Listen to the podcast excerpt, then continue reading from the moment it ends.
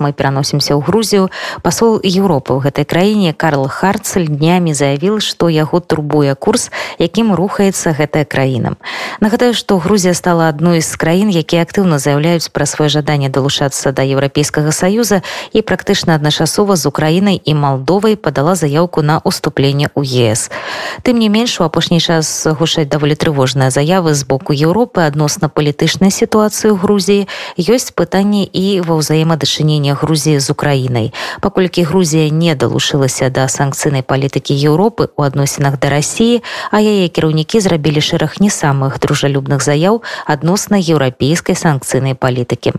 Пра ўсе гэтыя перыпеты унутранай і знешняй палітыкі Грузіі наш корэспандэнт Андрусь Хаёвы паразмаўляў з палітолагам былым дэпутатам старшынёй грузінскага прагрэсіўнага форуму Дмітрием Скіцышвілі. Грузия одна из стран бывшего СССР, которая официально декларирует свое стремление в Европейский Союз и в дальнейшем, возможно, и в НАТО. Однако, как и две другие страны, подавшие практически одновременно заявки в Европейский Союз, Грузия имеет ряд проблем, э, в то же время объединяющих ее с этими двумя странами. Э, это, среди прочего, и фактически подконтрольные России территории, объявившие не без помощи России о своей якобы независимости, Э, является ли это тем, э, что заставляет власти Грузии сейчас как бы стараться сидеть на двух стульях и вести достаточно осторожную политику в отношении России? Как известно, Грузия не присоединилась к санкциям против России после начала российско-украинской войны. Э, правящая партия «Грузинская мечта» во многих аспектах считается довольно такой пророссийской. Насколько эффективна такая политика и может ли она в случае обострения имперских стремлений в Москве гарантировать Грузии безопасность? Довольно сложный вопрос, э, потому что однозначных таких ответов здесь, конечно же, нету. Ну, так скажем, э, ориентация самой страны. Я думаю, что это здесь очевидно, что большинство населения Грузии поддерживает это направление, то есть международный э, курс на Запад, на интеграцию в Евросоюз, это как бы исторический выбор грузинского народа, так скажем. А, но с другой стороны, да, есть какие-то дебаты насчет курса, проводимого правящей партии. Но здесь однозначно я бы не сказал, что грузинская мечта считается, можно считать однозначно пророссийской партией. К тому же, что учитывая то, что эта партия все-таки декларирует про западные принципы, как направление по интеграции НАТО или интеграции, то есть те шаги, которые ну, делаются э, структурами, государственными структурами, они, в принципе, продолжают тот путь, который еще со, со, со временем Шеварнадзе было начато, потом Саакашвили, и сейчас уже третья, третья власть да, в стране. Но, с другой стороны, мы видим какую-то осторожную политику, э, как вы сказали, на двух стульях сидеть. Э, да, есть такие элементы. Я думаю, что слишком осторожность, ну, не слишком осторожность, а осторожность, которая Э, выражается в таких каких-то, я бы сказал, в некоторых случаях неадекватных э, заявлениях э, высоких людей высокой должности, я думаю, что оно как-то создает такое впечатление, что не меняет ли Грузия свою, свою, свою ориентацию. Я думаю, что это излишняя осторожность правящей партии сейчас на, на, на, на сегодняшний день. Заявление, которое не всегда соответствует тем шагам, которые делает само правительство, правительства, министерства и э, дипломатические миссии. Я имею в виду, что с одной стороны грузин, грузинское э, представительство разных международных организаций было инициатором или же присоединялась к тем каким-то шагам, которые были предусмотрены против России, то есть исключение из Совета Европы, э, как бы петиция, э, криминальный, международный криминальный суд, э, резолюция Объединенных Нациях, Генеральной Ассамблеи Объединенных Наций. Здесь Грузия была одним из инициаторов и активным участником этого процесса. С другой стороны, мы видим заявление премьер-министра о том, что вот не будут присоединены присоединяться, Грузия не будет присоединяться э, к санкциям. Но сейчас сразу немножко оно смягчилось, такое заявление, такое резко они нужно говорят, и не говорят, что суверенных каких-то национальных санкций они будут э, устанавливать э, России. Здесь я думаю, что заявления были преувеличены, потому что в какой-то мере Грузия присоединилась к санкциям, например, банковской системе, автоматически банковская система Грузии присоединилась к тем санкциям, которые были введены против российских банков. Но с другой стороны, из европейских стран нет конкретных санкций по некоторым направлениям, да, по энергетическим вопросам в том числе. Так что я думаю, что здесь немножко была потеряна дипломатическая гибкость заявлений, которые были сделаны. Но с другой стороны, я думаю, что, опять же, моя личная оценка, что все-таки можно было более конкретным быть в этом направлении, быть более четким в своих заявлениях. Э, и это не только подача заявки на вступление в ЕС, но быть синхронным всех, во всех движениях, во всех э, шагах, которые были сделаны со стороны западных наших партнеров. Думаю, что а, необходимо было таких же адекватных шагов было бы, необходимо было сделать со стороны Грузии тоже. Здесь, я думаю, что были немножко ну, такие серьезные промахи. Ну и раз вы уже заговорили про санкции, то э, вот коснемся вот этих вот этого вопроса э, поддержки Украины, скажем так, вот этой санкционной позиция Грузии.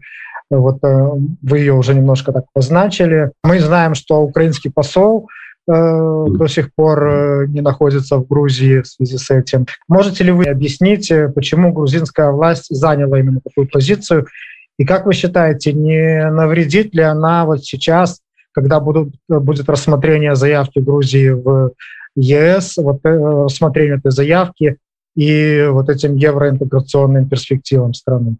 Не могу точно знать, чем были обусловлены какие-то заявления, на, на, на что довольно резко и критично отреагировала украинская власть, но я могу предполагать то, что, например, ну, как бы сложились такие-то не самые дружественные отношения между властями Грузии и Украины. Я думаю, еще со времен как назначения президента, бывшего президента Саакашвили на высокий пост в Украине, то есть это было воспринято очень негативно тогда, тогда еще грузинский посол был вызван обратно в Тбилиси. То есть это тогда начиналось делать. Я думаю, что это э, с тех времен никто не, не, не старался и не было конкретных шагов сделано, чтобы эти отношения, которые до сих пор формально считаются стратегическими, их сделать реально стратегическими, чтобы эти две страны, опять же, дошли до какого-то общего знаменателя обговорили весь процесс своих отношений. Я думаю, что это как бы обида, которая была со стороны Грузии из-за шагов э, украинской власти уже э, нынешней власти, да, я думаю, что она дала свои какие-то результаты уже в, в, в этой политике.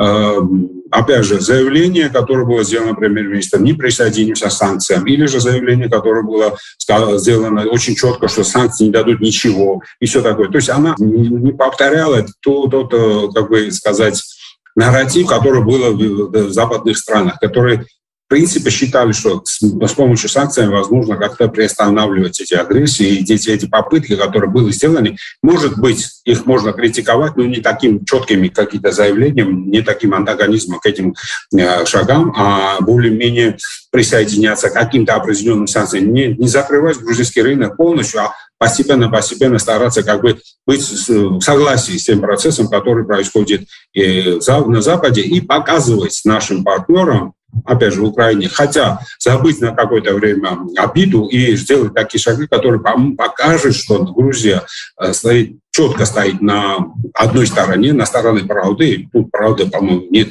нет никаких сомнений, что есть на одной стороне только. И, соответственно, показать эту правду, что грузинская сторона стоит на, на, на стороне правды и справедливости. Я думаю, что здесь были ошибки да, да, допущены. Эти ошибки уже э, отозвались уже этих э, напряженных, я бы так сказал, и не своевременных, но напряженных отношениях с Украиной. Э, отразится ли это на а, интеграционный процесс на получение э, кандидатского статуса, я думаю, что Э, здесь проблем э, больше в других, другой сфере, я бы сказал, внутренних делах. И здесь есть проблемы у Грузии, есть особенности. Это касается судебной реформы, там, где очень критично европейское сотрудничество и Запад, и Соединенные Штаты, которые все это время в течение десятилетий помогают Грузии реформировать судебную систему, но все-таки оно находится под как бы сложным политическим контролем, я бы так сказал, и, то есть доминирует одна политическая группа в этой э, и здесь очень мы далеки от реально свободной сидельной системы. Здесь и наш уже президент, который был избран с поддержкой э, правящей партии э, четко и открыто критикует судебную систему. И, то есть это одна из самых главных проблем, можно считать, на, на сегодняшний день. И думаю, что оно может стать главным барьером. А, но думаю, что все-таки кандидатство это выше, чем больше, чем одна какая-то партия. И все-таки, я думаю, я хотел бы быть уверен, что мы кандидат, статус кандидата получит Грузия, может, какими-то условиями, может, какими-то домашними заданиями, но все-таки я хотелось бы думать, что мы получим это, несмотря на все барьеры, которые могут стать перед решением этого вопроса. Ну, я так э, понял, что вы уже э, затронули тот вопрос, который я хотел задать насчет э, внутренней борьбы в Грузии.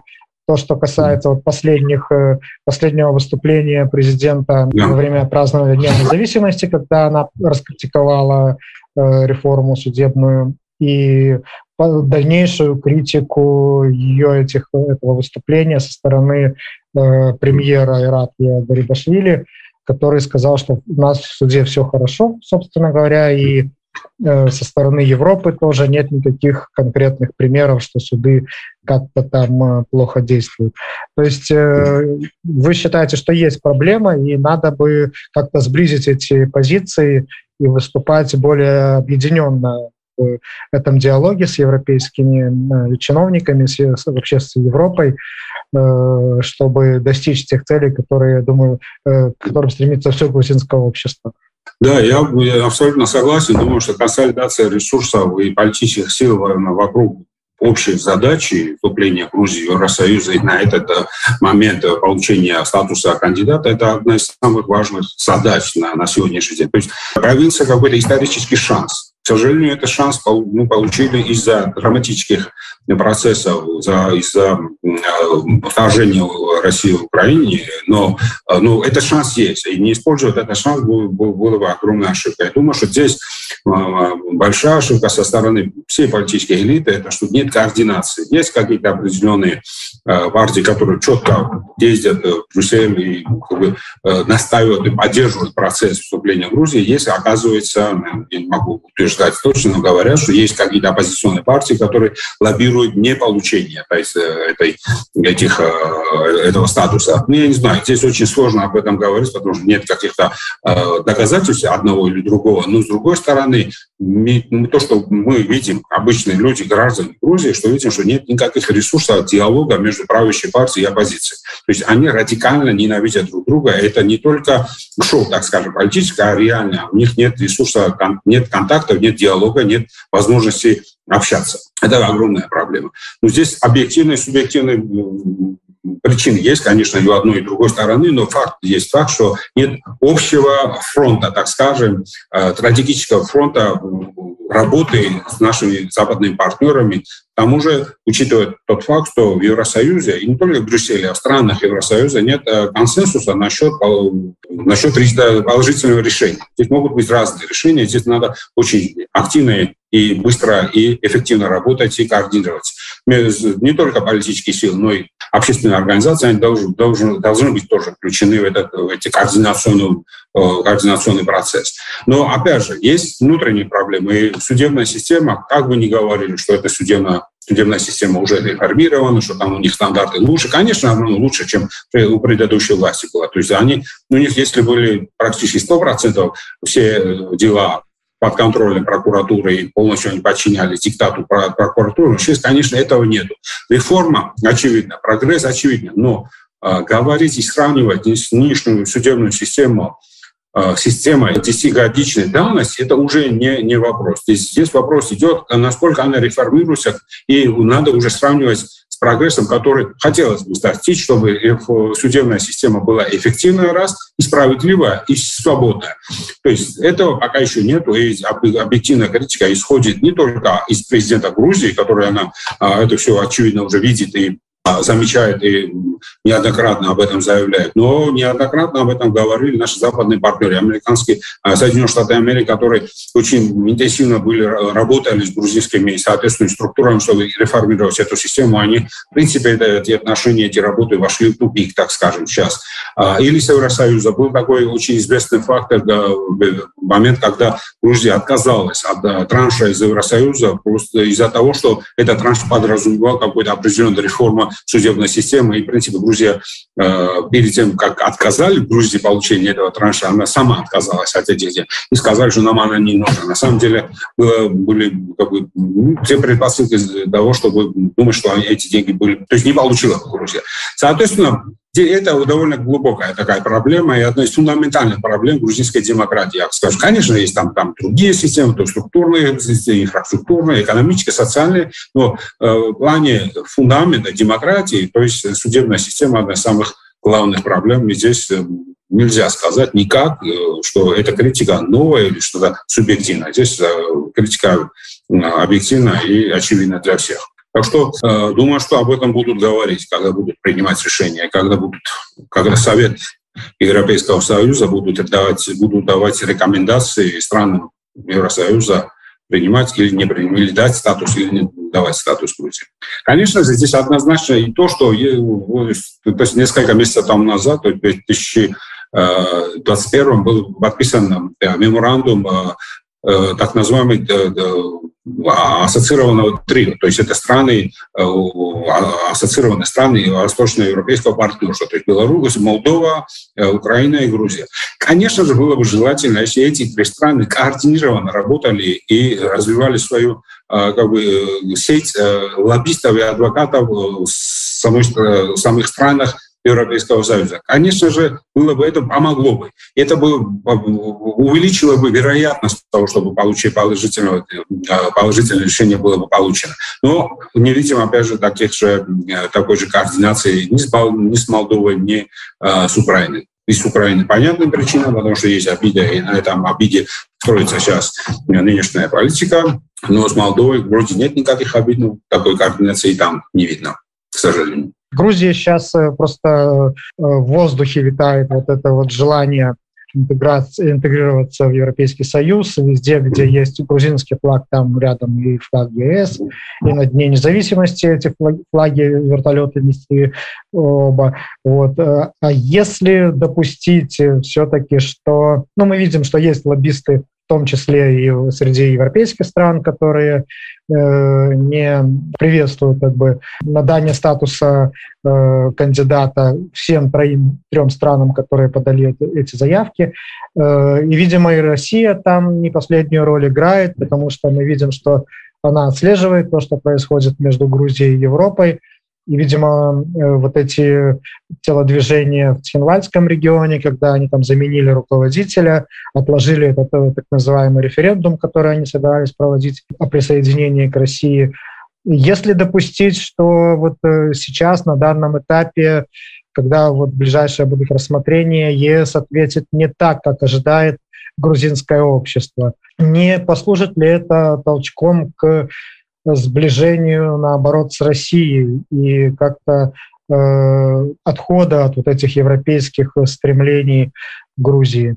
Очень сложно предугадать, какие будут процессы после этого. Я думаю, что это негативно отразится на настроении в общем в стране, потому что евроинтеграция и интеграция западной структуры была одной из самых главных международных политических задач страны, и которая была и поддерживается очень э, огромным количеством э, общества, и можно сказать, что около 80% населения поддерживает без каких-то предусловий этот, этот процесс. Конечно же, э, резкий такой отказ будет очень негативно отразиться. Я не думаю, что четко есть возможность смены курса, опять же, потому что это намного фундаментальнее, чем какое-то желание какого-то одного политика или же группы политиков. Я думаю, что так резко и Э, легко это невозможно сделать, но думаю, что переосмыслить стратегию надо будет. Стратегию, имею в виду, что не, стратегию, не менять стратегию, не менять ориентиры, но стратегию, как бы достичь таких наших э, определенных международных целей и как улучшить нашу возможности, динамику реформы страны, чтобы реально благосостояние страны росло и люди жили лучше. То есть Евросоюз — это не просто же геополитический, геополитический выбор страны, это просто стиль жизни, это форма жизни, форма а, то есть правила жизни общества, которые, в принципе, регулируются какими-то государственными структурами и создают благополучие для всех. То есть здесь надо будет осмыслить это все. Я, я не думаю, что наша правящая элита да, на сегодняшний день полностью осознает, какие могут быть последствия этого всего. А, меланхолия, которая может возрастить. Потому что, опять же, Россия не то, что грузины не любят русских или не любят Россию, но то есть это нет практического выбора. То есть Россия в течение этих 30 лет не говоря об истории, эти 10 лет ничего конкретного не, не, не предлагала никогда. Оно создавало, то есть там, понятно, видим, например, то есть для обычного гражданина Грузии, они, очевидно, что ну, есть под контролем России, страны, да, то есть нет, нет особых каких-то развитий, нет никаких каких-то ну, улучшенных э, условий жизни, все такое. Опять же, Абхазы и Осетины. То есть, да, есть какие-то политические элитах этих непризнанных государствах, есть какие-то сантименты по отношению к российской власти, но на самом деле э, жизнь обычного гражданина, жителя Шукуми или жителя Схинваль не меняется к лучшему. Соответственно, здесь они намного оставят. Соответственно, понимая, многие в Грузии понимают, что это не выбор, это непрагматичный выбор. Ну, кто-то есть здесь такие маргинальные группы, которые об этом говорят, что для них это как бы альтернатива, но на самом деле это альтернативы не существует. Соответственно, у Грузии нет другого выбора. У грузинских властей нет другого выбора, кроме как стараться интегрироваться в европейские структуры. Это огромный толчок реформ Грузии а, и реальных перемен в стране. Поэтому, если не будет позитивного вопроса, какими-то предусловиями, какими-то условиями, ну, не, если не будет таких, э, такого позитивного а вот это, соответственно, я не знаю. Я думаю, что фундаментальная ревизия нашей политической э, элиты необходима будет. Я думаю, это, это ответственность не только правящей партии, но и оппозиции тоже. И они должны все это понимать. Хотя все предпосылки э, э пока очертания этого всего, как будто они стараются подготовить свои, своих избирателей, что ответственность переложить на, на оппонента. Это и видно и со стороны оппозиции, и со стороны правящей партии. Ну, в случае чего, это не я виноват, это они испортили все. То есть это, этого невозможно не заметить. Я все-таки надеюсь, что государственное мышление европейских стран, европейских политиков, они выше, чем конкретный промежуток политической трансформации Грузии. И, соответственно, они будут более глобально это смотреть и опираться на общественное мнение, общественное настроение и э, общественный как бы, уровень развития страны, э, и потому что а, я часто однозначно думаю, что грузинское общество обогнало своих политических лидеров. То есть Чаще всего должно быть наоборот, но Грузия, общество намного выше и намного ближе к Европе, чем наши политические лидеры. Соответственно, я думаю, что как бы, решение должно быть приниматься, учитывая эту часть, эту, эту, эту огранку, эту, эту сторону вопроса. С палітолагам старшынёй грузінскага прагрэсіўнага форуму Дмітрыем скіцышвілі абмяркоўвалі мы еўрапейскі шлях Грузіі і пазіцыю гэтай краіны па украіна-расійскім пытанні. Світанак свабоды.